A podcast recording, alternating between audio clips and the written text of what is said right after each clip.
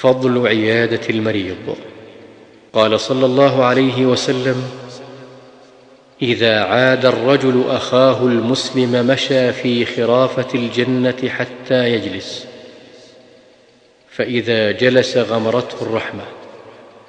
فإن كان غدوة صلى عليه سبعون ألف ملك حتى يمسي. وإن كان مساء صلى عليه سبعون ألف ملك حتى يصبح.